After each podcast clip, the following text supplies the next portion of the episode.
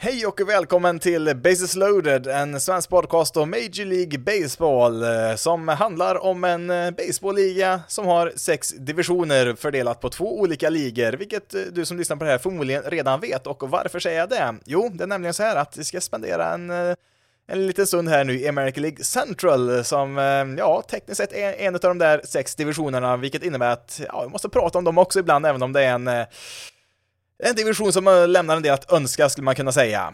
Med andra ord så är det väl inte mer än rätt att ibland i alla fall öppna dörren där och kika in och se vad de faktiskt sysslar med där i divisionen egentligen. Eh, eh, det är ju ändå så att ett av de här lagen kommer ju att vara ett slutspelslag. Det är, ju, mm, ja, oavsett hur dålig en division är så kommer ju divisionsvinnaren till slut att vara ett slutspelslag på gott och ont. Mestadels ont nu för tiden i den här divisionen i alla fall, men ja, det är väl inte helt rättvist. De har väl ändå haft eh, något enstaka riktigt, eller ja, hyfsat bra lag i alla fall eh, de, eh, de flesta åren här på sistone också, men eh, just i år så Ja, det, det är som tre lag som nästan försöker att inte vinna divisionen, men något lag kommer till slut att stå överst där.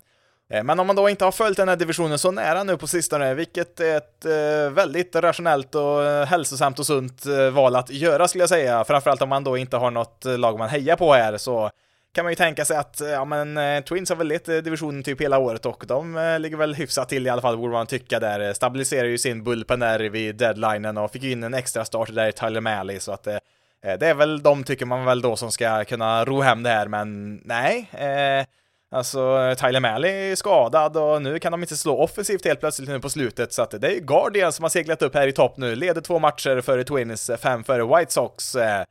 Eh, ja, det är väl i, princip omöjligt, eller omöjligt är det väl inte, men eh, väldigt svårt att se att något lag kanske skulle ta en wildcard-plats. Eh, det skeppet har seglat för länge, länge sedan.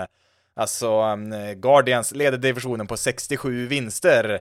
Eh, näst sämsta divisionsledare, det är Cardinals på 74, så att de är ju klart sämsta divisionsledaren rent resultatmässigt då, Guardians, och Eh, Eh, alltså, det, det, finns bara en väg till slutspel här för lagen i American League Central, eh, ja, Guardians, White Sox och eh, Twins då, det vill säga Royals och Tigers är ju alldeles för långt borta där, men eh, ska man nå slutspel som ett lag i den här divisionen så då måste man vinna divisionen. Wildcard-platserna är alldeles för långt bort, eh, tror jag, för att realistiskt kunna satsa på dem. Eh, och eh, då tänkte jag här nu att, eh, ja, jag ska inte prata igenom hela, hela divisionen, riktigt så kul ska vi inte ha, men just Cleveland Guardians har jag nog pratat väldigt, väldigt, väldigt lite om. Det mm, kanske finns något enstaka lag som pratar mindre om, typ eh, ja, Diamondbacks och något mer kanske, men eh, just Guardians har varit väldigt anonyma i den här podden under året. Eh, mm, det var väl ett lag jag tippade skulle vara tre eller fyra i divisionen, hade väl jag gissat på.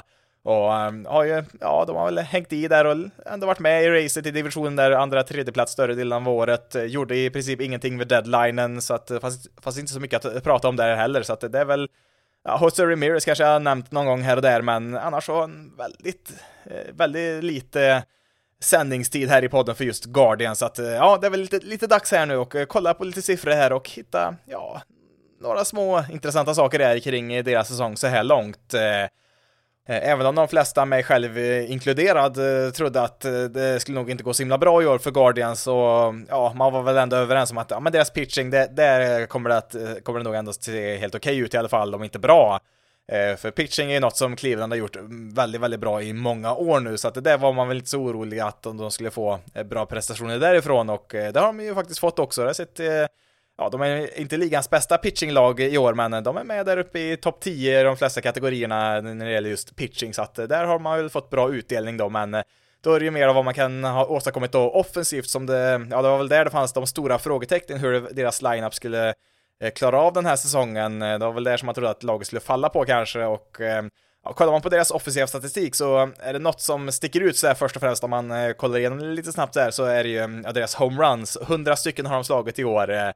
Och eh, det är de på 29 plats på, alltså näst sämst i hela MLB på att slå homeruns. Eh, kan jag jämföra dem med Yankees som har dubblat 200 homeruns har ju de, visserligen då eh, en fjärdedel från en och samma Aaron Judge, men dubbelt så många i alla fall. Ehm, och ehm, ja, för den som undrar vilket lag som är, är det sämsta på 30 plats, det är Tigers på 75, 25 homeruns bakom näst sämsta lag. Eh, det, det är inte bra. Eh, kan jag säga så här, om man kollar vilken plats man hamnar på, om man skulle ge Guardians 25 homeruns till, så skulle man hamna på, upp på 17 plats, så att gapet från 30 till 29 plats eh, i antal homeruns då i ligan är lika stort som det är från plats 29 till 17.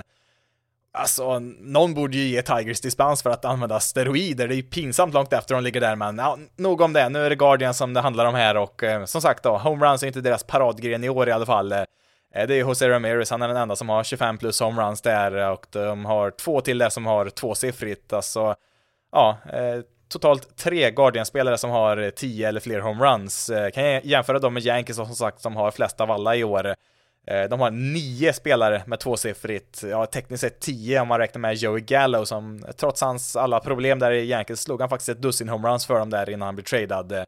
Och ja, för övrigt spelade riktigt bra med Dodgers när han kom dit. Eh, det gjorde nog ganska mycket att få det senombytet där, så att det är kul för Gallo, men Ja, eh, en sak är ju säker att det är inte på styrka som Guardians hittar sin, sin, sina framgångar bland deras slagmän och då tänker man då, ja, de slår kanske inte så hårt men de kanske Ja, men kanske slår för ett högt average då, sätter bollarna i spel och eh, liksom eh, har framgång på det sättet och ja, alltså deras betting average 2.51, det är tionde bästa i MLB, topp 10, det är väl bra, men det är ju inte så att eh, Alltså är man så långt efter i, i, en kategori så borde man väl ligga längre fram någon annanstans istället. Men nej, average, ja bra men inte uppseendeväckande bra på något sätt.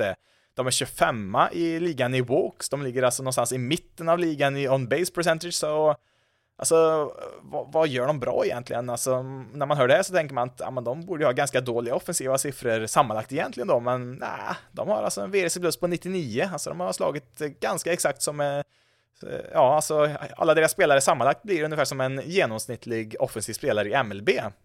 Jaha.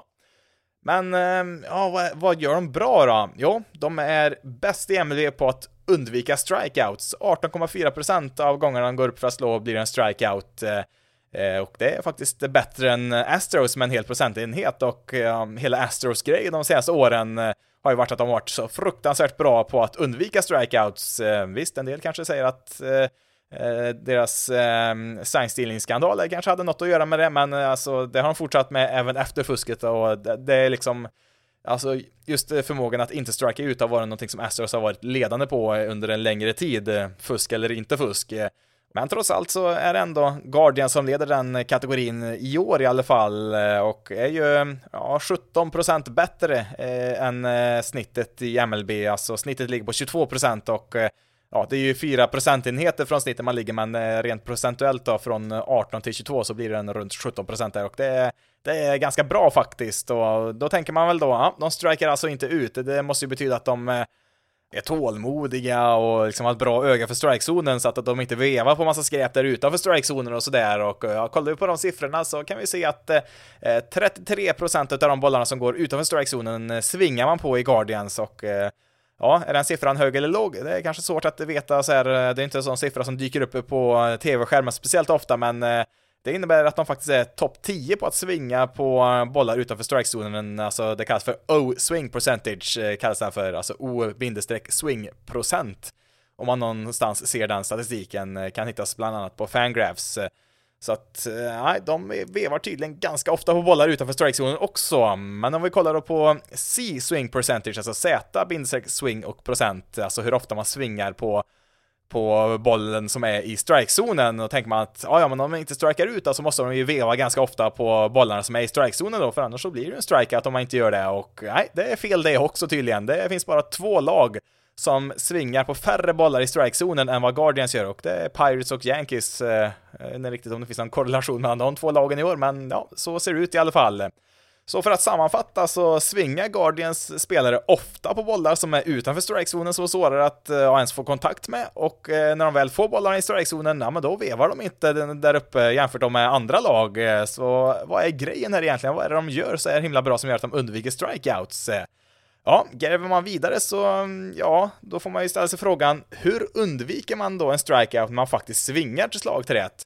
Ja, har du redan ett eh, par strikes så är ju enda sättet att eh, faktiskt få kontakt med bollen. Eh, sen behöver du inte sätta sig i spel. Du kan ju faula bort hur många bollar du vill rent teoretiskt sett då. Och ja, då kan vi kolla på hur ofta får de kontakt med bollen när de faktiskt svingar? Och då finns det då en statistik som heter O-contact percentage, alltså hur mycket eller hur ofta man får kontakt med bollen utanför strikes-zonen då, alltså outside contact percentage kan man kunna säga att det står för. Och ehm, ja, när de svingar så får de kontakt med bollen 70,9% av gångerna och ja, nu, nu börjar vi hitta saker där. Den siffran kanske inte säger så här jättemycket heller om man inte eh, sitter och grottar ner sig i de här siffrorna var och varannan dag. Men ehm, det är bäst i MLB och det är inte ens, det är inget lag som ens är nära eh, Guardians i just den statistiken. Tvåa är Mets på 66,9%. 4 ehm, procentenheter låter väl inte så jättemycket, men om man säger så här, avståndet mellan eh, Guardians och Mets är lika stort som eh, Mets står på andra plats ner till 17 plats. Alltså det är ett enormt gap där som finns mellan eh, Guardians och resten av ligan. Alltså, de är på en helt annan nivå. De har extremt bra kontroll på slagträet. De kanske inte slår på de eh, bästa bollarna de får se under en match med tanke på hur mycket de jagar utanför strikezonen, men ja, när de väl svingar så får de ju kontakt och ja, det är ett bra sätt att undvika strikeouts på i alla fall. Sen eh, Ja, sen är det lite svårare att slå homeruns på eh, de här bollarna som är utanför strikezonen. Eh, visst, det går ju att göra det också. Det har väl Javi Baez gjort sig en karriär på att slå på bollar långt utanför strikezonen, men eh, Ja, det kan väl förklara en hel del kring varför Guardians inte slår så mycket homeruns med tanke på hur mycket bollar man jagar utanför zonen där som sagt, men ja, man strikar i alla fall inte ut, så att det är väl, det är väl någonting i alla fall. Eh, kollar vi på hur mycket kontakt man får med bollen i strikezonen då när de kastas där, ja, då är de faktiskt också på första plats. Netto jämt ska jag säga för Rockies som ligger där hack i häl just den kategorin. Det har väl i och för sig lite grann kanske att göra med eh, eh deras hemmaplan där i Denver som eh, ja, det blir ju inte lika mycket spinn och lika mycket rörelse på bollarna där eh, när de kastar det, så att det kanske finns mer att veva på där på Course Field, så att det är väl kanske en förklaring till varför de ligger så högt upp där, men eh, ja, alltså när det gäller att få kontakt med bollen överhuvudtaget, vare sig det är i eller utanför strikezonen, så är Guardians klart bäst. Som sagt, svingar kanske inte vid de mest optimala tillfällena, men ja, när de väl gör det så får de kontakt med bollen och eh, har som sagt väldigt bra Eh, kontroll på slagträet och eh, ja, kollar vi på individuella spelare, vem som eh, striker ut minst i hela ligan, ja, där har vi en annan eh, eh American League Central-spelare i Luis Arise, Twins-spelaren som eh, ligger på 7,4%. Ja, jämför då med ligan då som som sagt ligger runt 22%, det är ju extremt lågt. Eh, eh ja, han slog väl över 3,50 där i average eh, ett tag, Arise har ju, har ju gått ner lite grann, eller ganska rejält, han är ner på 3,19 just nu. Men eh, om vi hoppar över Arise och kollar på plats 2 och 3, där hittar vi just två Guardian-spelare, Steven Kwan och Jose Ramirez, som bara sträcker ut 9,5 respektive 10% av tillfällena. Så att det, det, är väl en tydlig profil av spelare man har här. Sen har de ju andra eh, spelare också såklart som är, som är duktiga på att undvika strikeouts, men just Kwon och Ramirez ligger i den absoluta toppen. Eh, eh, kanske kommer ni ihåg Steven Kwon som, ja, han bara slog och slog och slog första veckan där eller så utav säsongen. Alltså inte bara match till match, utan han hade väl hits typ varenda at han hade där ett tag. Sen har han väl lugnat sig lite grann sen dess, eller ja, han har en WC plus på 124, vilket är riktigt bra. Ehm, och ehm, ja, det är ju då som sagt tack vare hans fantastiska kontroll över slagträet, för någon styrka, det finns det inte där. Han har väl slagit tre homeruns, ja, det är väl nästan misstag han slagit dem där, för han har ingen styrka alls i den där svingen, men tre stycken har han lyckats eh, eh banka in på något sätt. Ehm, eh, och kan säga så här, när han svingar, så är det bara 3% av tillfällena som han totalt missar bollen, alltså bara 3% sving och miss. Det är extremt lågt. Det är väl, ja, jag tror väl det är väl Arise tror jag, som är den enda som är Eh, bättre i den kategorin än Kwon som eh, ja, måste vara en riktigt jobbig motståndare att möta för en pitcher. Alltså, det spelar ingen roll vad du än gör så kommer han sätta slagträet på bollen på ett eller annat sätt. Det, det finns nästan ingen annan utgång. Sen visst, du kanske inte behöver oroa dig för att han ska slå en grand slam, det är väl inte några större odds på, men eh, ja, på ett eller annat sätt så kommer slagträet hamna på bollen och ja, får man kontakt med bollen, ja, då kan vad som helst hända egentligen där.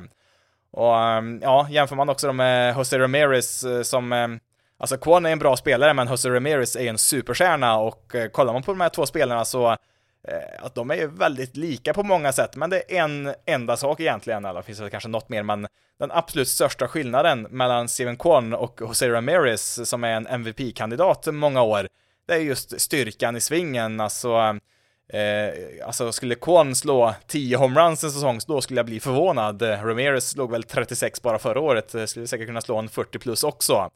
Och um, ja, det, ja, men det, det, är väl ändå lite kul på något sätt att se lag som kan eh, vara bra på olika sätt. Alltså, alla lag behöver inte bara ha massa sluggers som, eh, som Yankees, alltså vi behöver inte bara ha massa Judge och Stanton som mosar bollen varje gång, även om det är kul såklart också, men det är kul att se eh, lag ha eh, andra vägar att nå någon grad av eh, framgång under en säsong som Guardians ändå har gjort här, även om de som sagt inte hade varit i slutspel i vilken annan division som helst så leder de ju trots allt eh, American League Central, eh, ja, mycket på grund av inkompetensen bland de andra lagen, men ja, de kan ju bara spela mot eh, lagen de har på spelschemat och ja, de har ju de lagen de har i sin division. Det är inte något de kan göra åt eh, den saken så att eh, eh de har gjort vad de behövt för att eh, komma upp här på första platsen. Får vi se om de kan hålla kvar den här Eh, Eh, och ja, det hänger väl mycket på att man kan fortsätta att eh, producera hyfsat offensivt som de ändå har gjort i år. Bättre än förväntat, alltså som tidigare nämnt, deras pitching, den har man väl alltid räknat med att den ska leverera och det har de gjort i år. Inte dominant, men som sagt, topp 10 i många kategorier för pitchers. Eh, de har ju Bieber, McKenzie, Quantrill där, en trio som har gjort alla sina starter i år, mer eller mindre. Har gjort liksom här 23, 24, 25 starter, ERA kring 3, 3,5, alltså varje gång de startar så ger de ju laget chansen att eh, vinna varje gång där. Sen saknar de väl en del offensiv el eldkraft såklart och hade väl kanske behövt ja, en riktig slagger kanske man hade, hade kunnat behövt där i, i laget. Eh, ja, förutom eh, Ramirez då som man hade kunnat eh, få in här under deadlinen. Eh, eh vill till sist också nämna då här i Guardians Emmanuel Classey som eh, Ja, det har varit mycket snack om eh, Mets closer Edwin Diaz, eh, med all rätt, eh, med hans utomjordiska strikeout-siffror som varit helt fantastiska, men Guardians closer Emmanuel Classey har ju väl Alltså kollar vi de senaste 365 dagarna så ja, då skulle man nog kunna argumentera för att Classey har varit bättre än Diaz, även om båda två såklart har varit väldigt bra.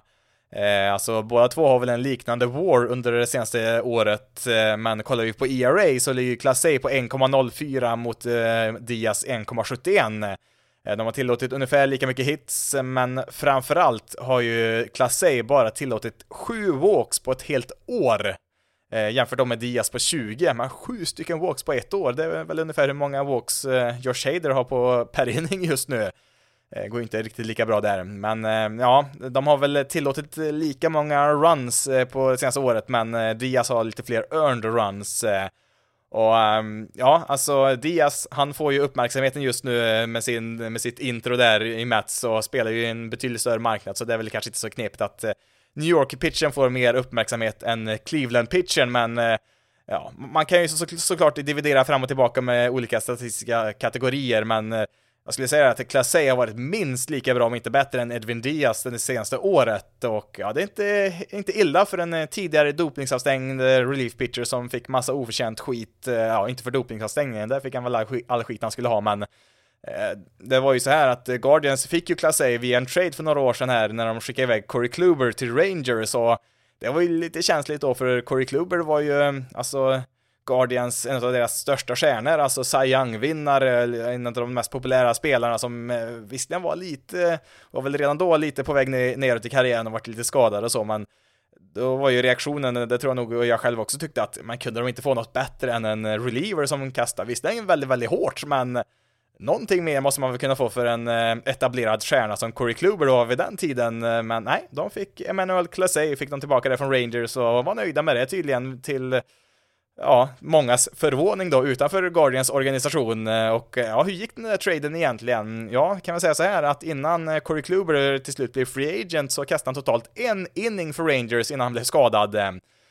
Class A då kom in till den här säsongen då några år senare med bara ett år av service time och skrev på nyligen ett femårskontrakt värt bara 20 miljoner dollar. Han är ju inte direkt dyr i drift här för, en, eh, för att vara en dominant closer och det finns även ett eh, par klubboptioner där därefter för 2027 och 28 så att Ja, jag tror väl ändå till slut att Guardians vann den där Corey Kluber, Emmanuel Classey-traden, får vi ändå säga. Men då så, då har vi snackat en hel del Cleveland Guardians för ovanlighetens skull och känner ju att samvetet kan lätta lite här med att man till sist då lyft in den här divisionen som eh, eh, tyvärr inte är lika intressant som de fem andra de senaste, ja inte bara den här säsongen utan de senaste åren. Men ja, en och annan intressant sak kan man hitta och nu har vi ju lite bättre koll på vad som försiggår här i Cleveland eh, under den här säsongen och kan väl avslutningsvis säga att eh, det känns väl lite grann som att det är Guardians division att förlora här just nu. Alltså visst, det är bara två matcher ner till Twins, det är ingen stor ledning, men eh, de har ändå ett litet grepp här i alla fall. Eh, det är, det är de som är i förarsätet här och har ett relativt lätt spelschema kvar här i september. Sen ska vi komma ihåg att åtta av matcherna är mot Twins, så att det är väl kanske där divisionen kommer att avgöras om inte White Sox kan hitta på någonting, men det ser ju inte speciellt lovande ut just nu. Men eh, med det sagt så ehm, avslutar Guardians säsongen med sex raka matcher mot Royals av alla lag, så att där har man väl ett eh, ganska bra läge om det är tight eh, i slutet på säsongen. Eh, det sex raka matcher, alltså det, det, har väl att göra med att det blev några matcher flyttade där sen eh, första alltså, veckan på säsongen där eh, blev ju inställd där vid strejken där, eller vid lockouten rättare sagt, så att eh, man har alltså då tryckt in sex raka matcher mot Royals. Det är, ja, det är en tacksam avslutning i alla fall där för Guardian som, som sagt, är i förarsätet i American League Central.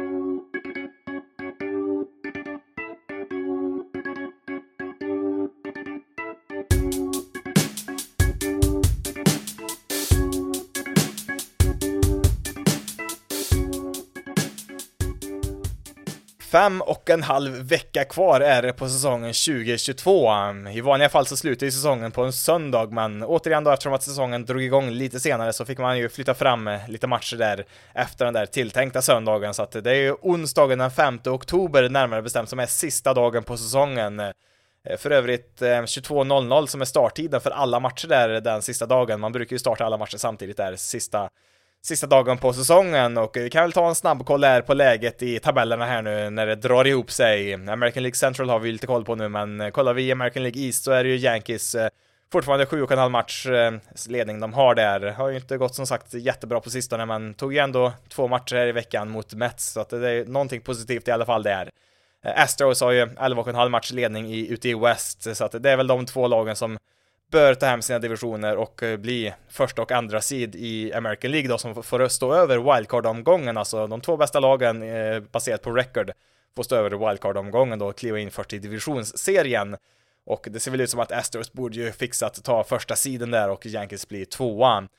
Eh, sen är det då de här wildcard-platserna, tre stycken närmare bestämt, eh, och eh, det, är väl, eh, det är väl fyra lag först och främst som slåss om de där, som det ser ut just nu. Ja, Alltså vi har ju Twins är ju tre matcher bakom där från eh, sista wildcard-platsen. De är ju absolut med där, men eh, känns ju inte li riktigt lika vassa som eh, eh, om vi kollar på Blue Jays, Mariners och Rays som har de där tre platserna just nu. Och sen har vi även Orioles där som är en och en halv match bakom. Känns ju framförallt som de fyra där som eh, är eh, favoriterna att ta de där platserna. Eh, sen visst, Twins har chansen, sen har vi White Sox sex matcher bakom, blir tufft. Red Sox sju matcher, det, jag tror det är för sent för dem nu. nu eh, ja, eh, knepigare saker har ju hänt, men eh, ja, jag tror framförallt Mariners borde fixa det här, alltså.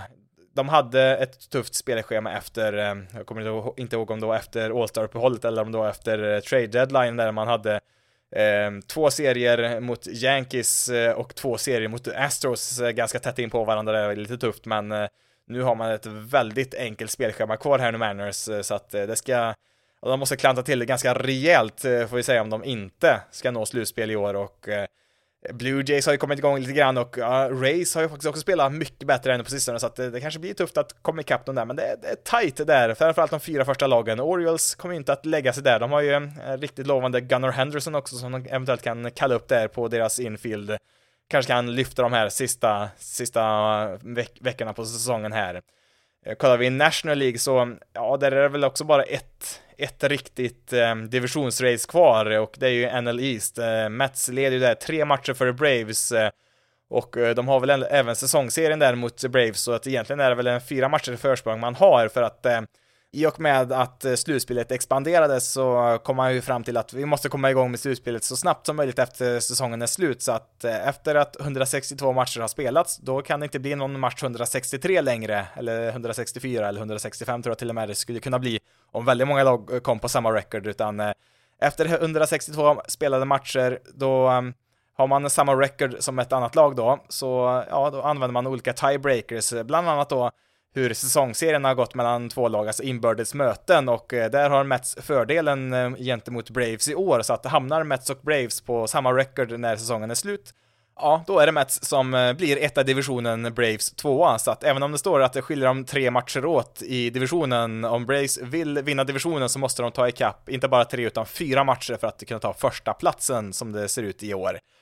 Och ja, det är väl egentligen den enda riktiga eh, divisionskampen vi har kvar i, i National League. Det är möjligtvis en liten chans i i Central då, men Cardinals går ju riktigt bra nu, riktigt heta här. Sex matcher har de ner till Brewers nu som totalt eh, det känns som att luften har gått ur Brewers sen eh, Josh Hader-traden över deadlinen, alltså även om Hader har totalt kollapsat sedan han tradades, eller ja, kollapsen börjar väl tekniskt sett eh, strax innan han tradades, men Eh, det var ju en del intervjuer där med eh, Brewers-spelarna som, eh, ja de var ju, mm, ja en del var ju helt förstörda nästan, lät ju som, som de var ju jätteöverraskade över att Hader försvann där, alltså visst det kan man ju förstå dem också, att deras liksom superdominanta closer eh, tradas bort mitt i ett slutspelsrace eh, som har liksom varit en jättestor profil där i många år. Det är klart att det kan vara demoraliserande, även om då tekniskt sett Hader har kastat bedrövligt här nu på sistone. Eh, men ehm, ja, vi ska väl komma ihåg att Brewers historiskt sett har varit väldigt eh, bra i, i september månad de senaste åren, så att det, det finns väl en liten, liten chans där ändå, men Nej, det känns som att eh, Cardinals kanske har punkterat divisionen redan nu, men ja, matcherna ska ju trots allt spelas. Ja, ute i West, Dodgers uppe i en 19,5 match har de före Padres här i, i divisionen. Det, den känns väl ganska säker får vi säga. Det, Ja, Padres har problem. Som vi nämnde förra veckan, Tatis borta, Hader, han tillät ju sex runs här nu i en match i helgen. Det är något som totalt eh, har brustit där för honom. Jag vet inte riktigt om det sitter i huvudet eller om det är armen som är trött. Jag såg väl någon statistik som eh, påpekade påpekar att han under flera tidigare säsonger har haft lite problem i slutet av säsongen, men eh, Ja, det är som sagt, eh, det är, det är tufft för Padres just nu. Alltså, eh, Dodgers är ju solklara eh, första sid i, i, i, National League. Sen är det ju då upp till Mets och Braves. Det är laget som vinner sin division där lär ju bli andra sidan och då tillsammans med Dodgers undvika wildcard-rundan. Sen så är det faktiskt Phillies där som har byggt en liten ledning där på andra wildcard-platsen och de har ju Bryce Harper tillbaka nu så att det, det går ganska bra där nu för Phillies som Ja, de har ju kollapsat förr i september, det kan vi konstatera. Även extra intressant med Aaron Nola som har kastat så bra där i deras rotation. Han har ju också haft en historia av att eh, totalt kollapsa i just september månad. Får vi se vad det blir eh, den här gången då, men eh, ja, det, det, ser ljust ut för, för um, Philly som inte har varit i slutspel på uh, över ett årtionde nu um, och eh, då har vi ju kvar två lag som har chansen på den sista wildcard-platsen och det är just Padres och Brewers lagen som bytte closers med varandra. Två lag som är väldigt sårbara just nu, men eh, det är ju trots allt någon av de här två lagen som kommer ta den sista slutspelsplatsen med största sannolikhet, för nästa lag bakom är ju Giants, sju och en halv match bakom. Eh, det, de räknar jag inte med där egentligen, så att eh, eh det, det blir upp till, är det Juan Soto som ska frälsa sitt nya Padres, eller vem vet, kanske vi får se MVP Jelic tillbaka i Brewers helt plötsligt här, som kan lyfta upp dem på sista slutspelsplatsen eller inte. Det, det återstår att se där helt enkelt, så att det finns en del att spela om här även de sista veckorna här på ganska många håll faktiskt. Inte bara för att nå slutspelet utan vilken, vilken eh, sid man ska få i slutspelet. Det, det avgör också vem som är har fler hemmamatcher och framförallt är det viktigt att ha ett högre sid i wildcard-rundan, för vi kan ju gå in lite, lite snabbt här på slutspelet här som eh, Eh, börjar fredagen den 7 oktober, alltså två dagar efter att eh, grundspelet är slut. Och eh, wildcard-rundan, den spelas ju i, i tre matcher, alltså bästa tre, eh, spelas ju tre dagar i rad, en fredag, lördag, söndag, vilket innebär att det borde vara en eh, hel del tidiga matcher där för oss här i Sverige, som kan vara intressant för oss att kunna se dem live.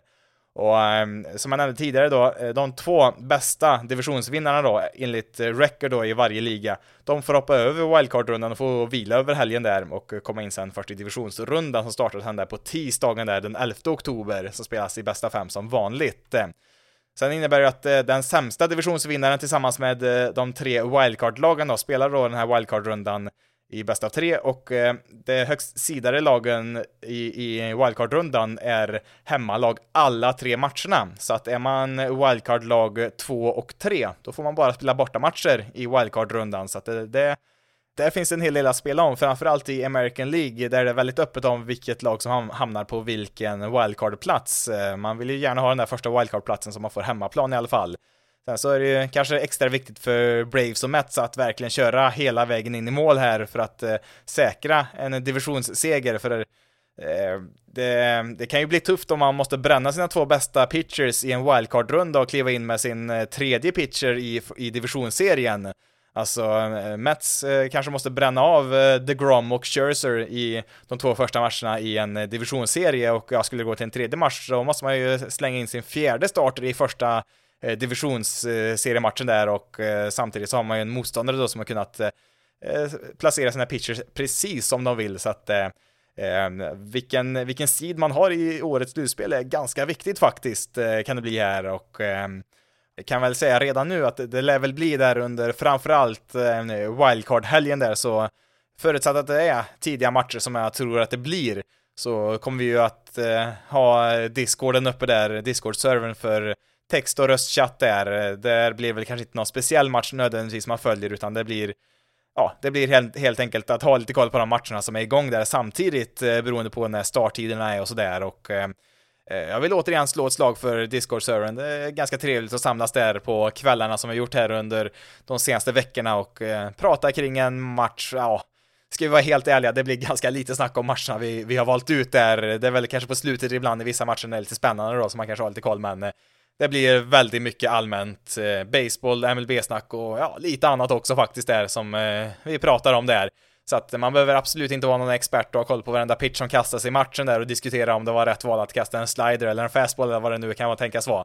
Utan eh, häng gärna med in där och snacka dels när det är veckans match här under grundspelet och kom gärna med i slutspelet också då när det verkligen gäller. Då kanske det blir något lite mer fokus på matcherna men eh, eh, som sagt, eh, det var ganska trevliga eh, veckokvällar där som vi haft. Det var väl en fyra, fem stycken som var med här nu senast i torsdags eh, på kvällen där och mycket trevlig stund där, stifta ett par nya bekantskaper så ja, man behöver som sagt inte uh, vara med i någon vänkrets eller ens ha någon större kunskap om eh, MLB eller baseball. Det är bara att hänga med där och prata om man vill eller bara sitta med och lyssna. Eh, det går som sagt också även att skriva via textchatt om man hellre vill skriva sina ord istället för att uttrycka dem verbalt. Det går lika bra det om man föredrar det, så att eh, Kika som sagt gärna in där om ni har eh, tid och möjlighet. Eh, länken finns eh, i beskrivningen då till Discord-servern i, till det här poddavsnittet och vi har väl även en veckans match den här gången. Det var ju inte så mycket bra matcher att välja på förra veckan och det fanns inte så mycket bättre den här veckan heller tyvärr.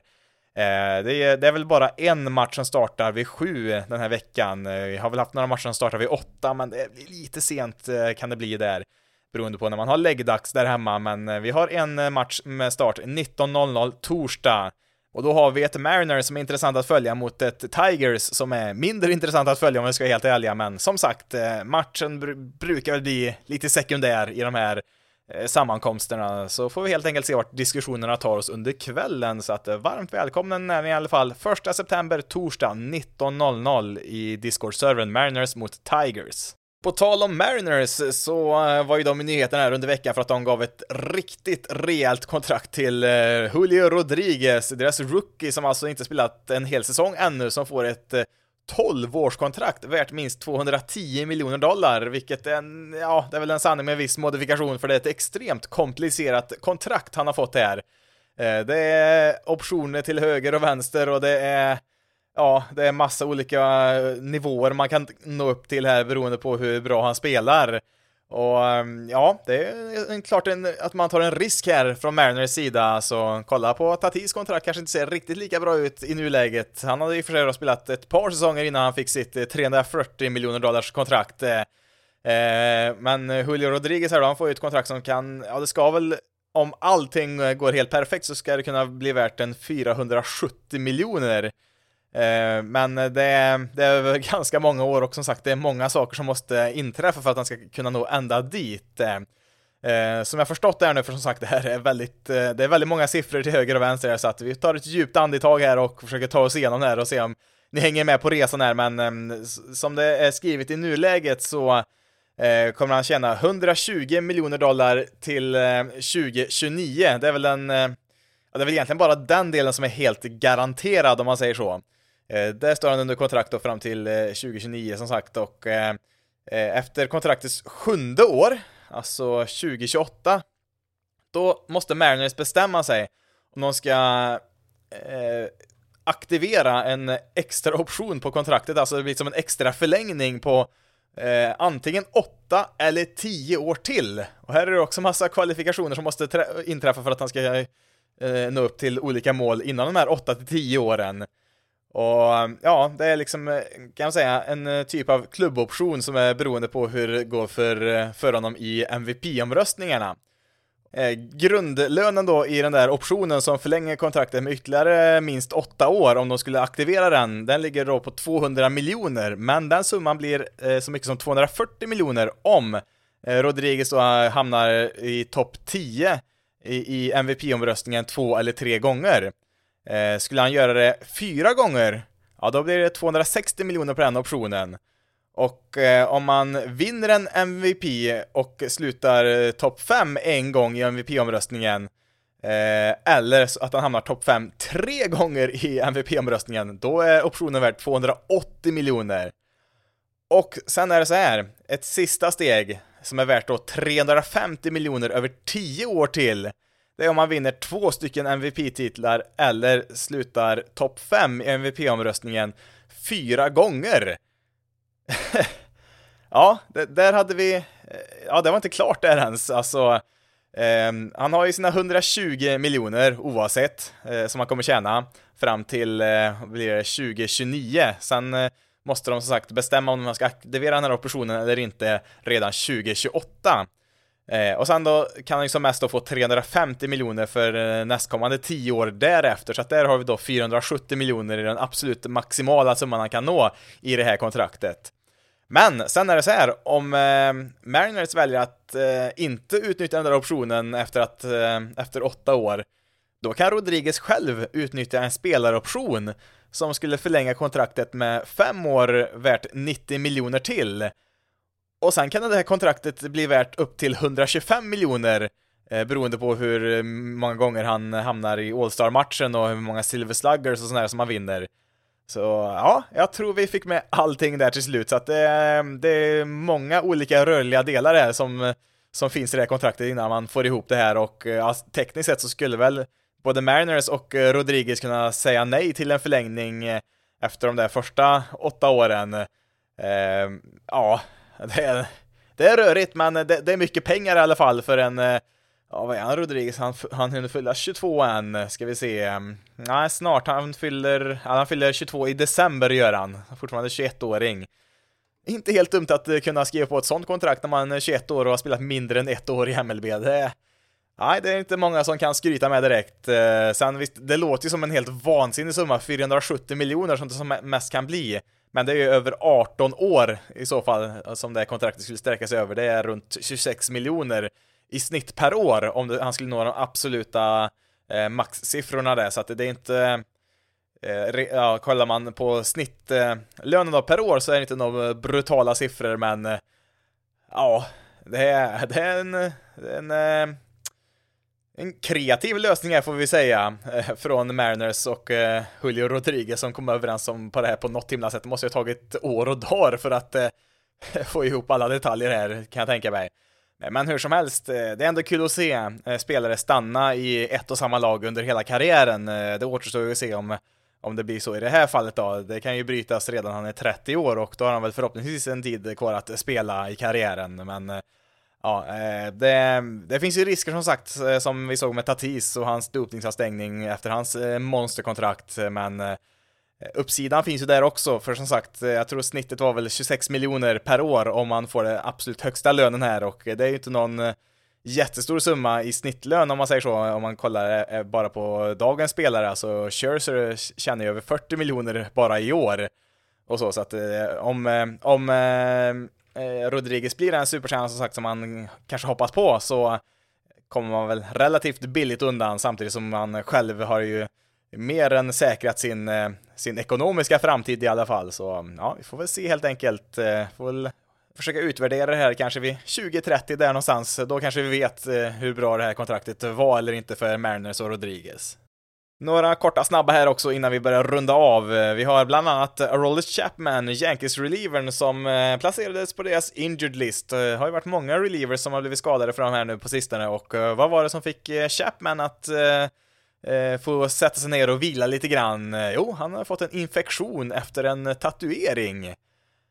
Ja, det Ja, det är tydligen en sak som händer det också, att man eh, måste placeras på en injured list på grund av en tatuering. Eh, känns ju dråpligt såklart, men man fick väl tillbaka eh, Clay Holmes här såg jag väl i och för sig då, så att eh, det är väl någonting i alla fall, men ja, det är tydligen en sak som, som hände i veckan som gick här. Sen hade, hade vi även eh, Jaddy Molina, Cardinals legendariska catcher, sista säsongen i karriären och han missade ett par matcher där nyligen och eh, Eh, placerades på deras, eh, om det var deras restricted list, tror jag han hamnade på, alltså att han skulle vara borta en, en kort stund där. Men man sa inte varför, och eh, det här kom ju ganska nära in på Tatis dopningsavstängning, så var det någon som började fundera, oj, har Molina åkt fast för doping? Som sagt, eftersom man inte gav någon kommentar till varför han var borta så, ja, då dök det upp ett och annat rykte vad det skulle kunna bero på, men till slut då så berättar man att eh, ja, Molina, han var i Puerto Rico och kollade på basket, fick han ledigt för. Han äger väl tydligen något lag där som var i någon eh, mästerskapsfinal, så han ville åka dit och titta, så han fick ta ledigt ett par matcher och åka dit och kika på dem. Eh, ja, eh, också tydligen en sak som hänt under veckan som gick. Eh, kan bara tänka mig om det kommer någon liksom rookie som spelat så här lite helt okej okay, och så säger han eh, förresten skulle jag kunna få ta ledigt ett par matcher och få kolla på en basketmatch? Eh, det, det går väl bra va? Mm, ja, det kanske går om man heter Jadi Molina, men är man en något mindre etablerad spelare så kanske det inte riktigt eh, eh, fungerar så. Eh, sen visst, kanske man borde argumentera för att även om eh, MLB-spelarna är i regel väldigt eh, högt avlönade, alltså eh, minimilönen är väl runt 7 miljoner svenska kronor per år, så att Eh, Eh, de får ju bra betalt, men man kan väl samtidigt tänka att även de som tjänar bra behöver väl ta en semester ibland, ta lite ledigt några dagar. Det gör man väl i alla andra yrken också, men ja, eh, nej, skumt som sagt mitt i ett slutspelsrace som Cardinals är inne i där, men ja, eh, det är tydligen någonting som händer nu för tiden. Spelare blir skadade på grund av tatueringar och andra och kollar på basket istället för att spela. Sen har vi Corbin Carroll, en spelare som eh, kommer att göra sin MLB-debut här nu på måndag. Ehm, han är ett top 5 prospect eh, som, eh, ja, han är väl till och med nummer ett på ett par listor, har nyss fyllt 22 år. Alltså en av MLBs mest lovande prospects som ska komma upp här nu för Diamondbacks, valdes i första rundan 2019 har väl haft fantastiska offensiva siffror hela vägen upp i deras minor League-system. Eh, ja, kanske inte riktigt lika fantastiska i AAA, även om han varit bra där som 21-åring. Han är väldigt ung för den nivån. Eh, han är väl, eh, ja, den korta scouting-rapporten på Carroll är väl att han är väl ingen enorm powerhitter och så, men han har riktigt bra öga för strikezonen och bra kontroll på slagträet, så att eh, ska väl förvänta sig ett högt average och en ganska bra on-base percentage. Lite lägre slugging då, men eh, ja, han är ju fortfarande ung så kan säkert eh, eh pumpa in lite styrka i de armarna där också, eller ja, det är väl mer än armarna man slår med såklart, men eh, ja, snabb är han ju också. 30 stolen bases har han i år i, AA och AAA och kan spela centerfield också då, en eh, viktig position där, så att eh, det kan vara en spelare att ta lite utkik där, Corbin Carroll, eh, som förhoppningsvis då ska vara en av Diamondbacks eh, stora profiler här i många år framöver. Eh, till sist då kan jag bara nämna Walker Bueller, Dodgers pitcher, ska genomföra en Tommy John-operation. Han har ju varit skadad här nu ett tag eh, och eh, ja, man insåg väl att det var lika bra att eh, ta tag i det ordentligt och eh, genomföra en Tommy John-operation som innebär att han inte bara missar den här säsongen utan med största sannolikhet även hela nästa år. Det finns väl några enstaka fall där man kan komma tillbaka på ganska precis ett år, men eh, oftast tar det längre än så, så att man får nog räkna med att Bueller blir borta hela nästa säsong också. Och då tänkte jag först efter att när man hörde det om Buellers skada så tänkte man att ja, Kershaw har ju problem med ryggen också, kanske de har lite problem ändå här i Dodgers eh, rotation, kanske blir en svaghet här inför slutspelet. Och så kollar man upp eh, deras step chart då, hur den ser ut då utan Bueller och Kershaw så ser man eh, att hela högen har en ERA under tre. Så att de de klarar sig alldeles utmärkt ändå där, Andrew Heaney och Tyler Anderson och Julio Urias och allt vad de nu heter, Dustin May är ju tillbaka där också. Nu såg jag väl att Kershaw skulle väl vara tillbaka här nu i veckan också, så att ja, de, de klarar sig ganska bra där ändå i Dodgers, även om de såklart kommer att sakna Wookie Bueller. Då ska vi avsluta lite snabbt här med veckans bästa och sämsta, men först veckans statistik. Och eh, det är ju så här att eh, sedan 2015 så har man ju haft tillgång till Statcast-systemet, alltså det här systemet som mäter, ja, typ allt som händer på planen, alltså hur snabbt folk springer och hur hårt pitchers kastar och vilken exit velocity bollen har, alltså hur hårt eh, den lämnar slagtät och sånt där. Och ehm, ja, är det någon som har utmärkt sig när det gäller att slå bollen hårt så är det ju inte helt oväntat Giancarlo Stanton som krossar bollen med, med jämna mellanrum kan vi ju säga. Och fram till veckan som gick här så hade ju Stanton ehm, noterat 16 av de 20 hårdaste bollarna slagna utanför slagman, alltså högst exit velocity. Och kollar vi då på topp 5-listan över hårdast slagna bollar, då hittar vi Giancarlo Stanton 5, Giancarlo Stanton 4, Giancarlo Stanton eh, trea, Giancarlo Stanton tvåa O'Neill Cruz etta. Vi har ett nytt rekord. Eh, O'Neill Cruz, Pirates shortstop, slog iväg en boll i 122,4 miles per hour, vilket är 0,2 miles per hour snabbare än Stantons hårdaste boll. Så ja, vi har en ny eh, exit velocity-kung, i alla fall när det gäller högsta notering, och det är O'Neill Cruz som skickade iväg en riktig missil alltså. Den, eh, ja, det var väl nästan tur att den inte gick ut för en homerun, för då hade den väl Eh, Eh, orsaka en och annan fraktur på någon stackars åskådare där uppe på läktaren. Eh, small ju högt på outfield-väggen och eftersom han var så himla hård, han studsade ut bra många meter från väggen, alltså Acuna stod ju flera meter från, bara från uh, warning tracken där, så kunde bara stå där och ta emot studsen, så att uh, där kom ju jättesnabbt tillbaka till Acuna som kunde kasta in det så att uh, Cruz bara kunde få en single på den där den där bomben som det egentligen var. Han har bara fått upp den någon meter till där så hade den varit, varit ute där, men Ja, som sagt, hårdaste bollen någonsin slagen från eh, O'Neill Cruz, eh, ja, sen 2015 då, sen vi kunde mäta det där. Och eh, ja, han är intressant, alltså han är ju enormt stor, han är lika lång som Aaron Judge, spelar shortstop, kastar extremt hårt, han har väl också några rekord tror jag i MLB när det gäller hårdast kast av en infielder, och så har han ju då rekordet då för eh, hårdast slagen boll, och han är snabb, och um, tyvärr så har han inte satt ihop de här delarna för att Eh, Eh, bilda en eh, duktig MLB-spelare, eller ja, det är klart han är duktig, men eh, han har inga, inga bra resultat än så länge om vi säger så. Alltså han har ju de olika eh, redskapen för att kunna sätta ihop en eh, väldigt duktig MLB-spelare. Han är inte, han är inte där riktigt än bara. Han, ja, det hjälper väl inte att han strikar ut 38% av gångerna han kommer upp för att slå det. Jämför då med Steven Kwan som vi nämnde förut, han strikar ut till 10% eller mindre till och med 9,5 var det väl där. Eh, ja, som sagt, olika spelare är bra på olika saker kan vi ju lugnt konstatera.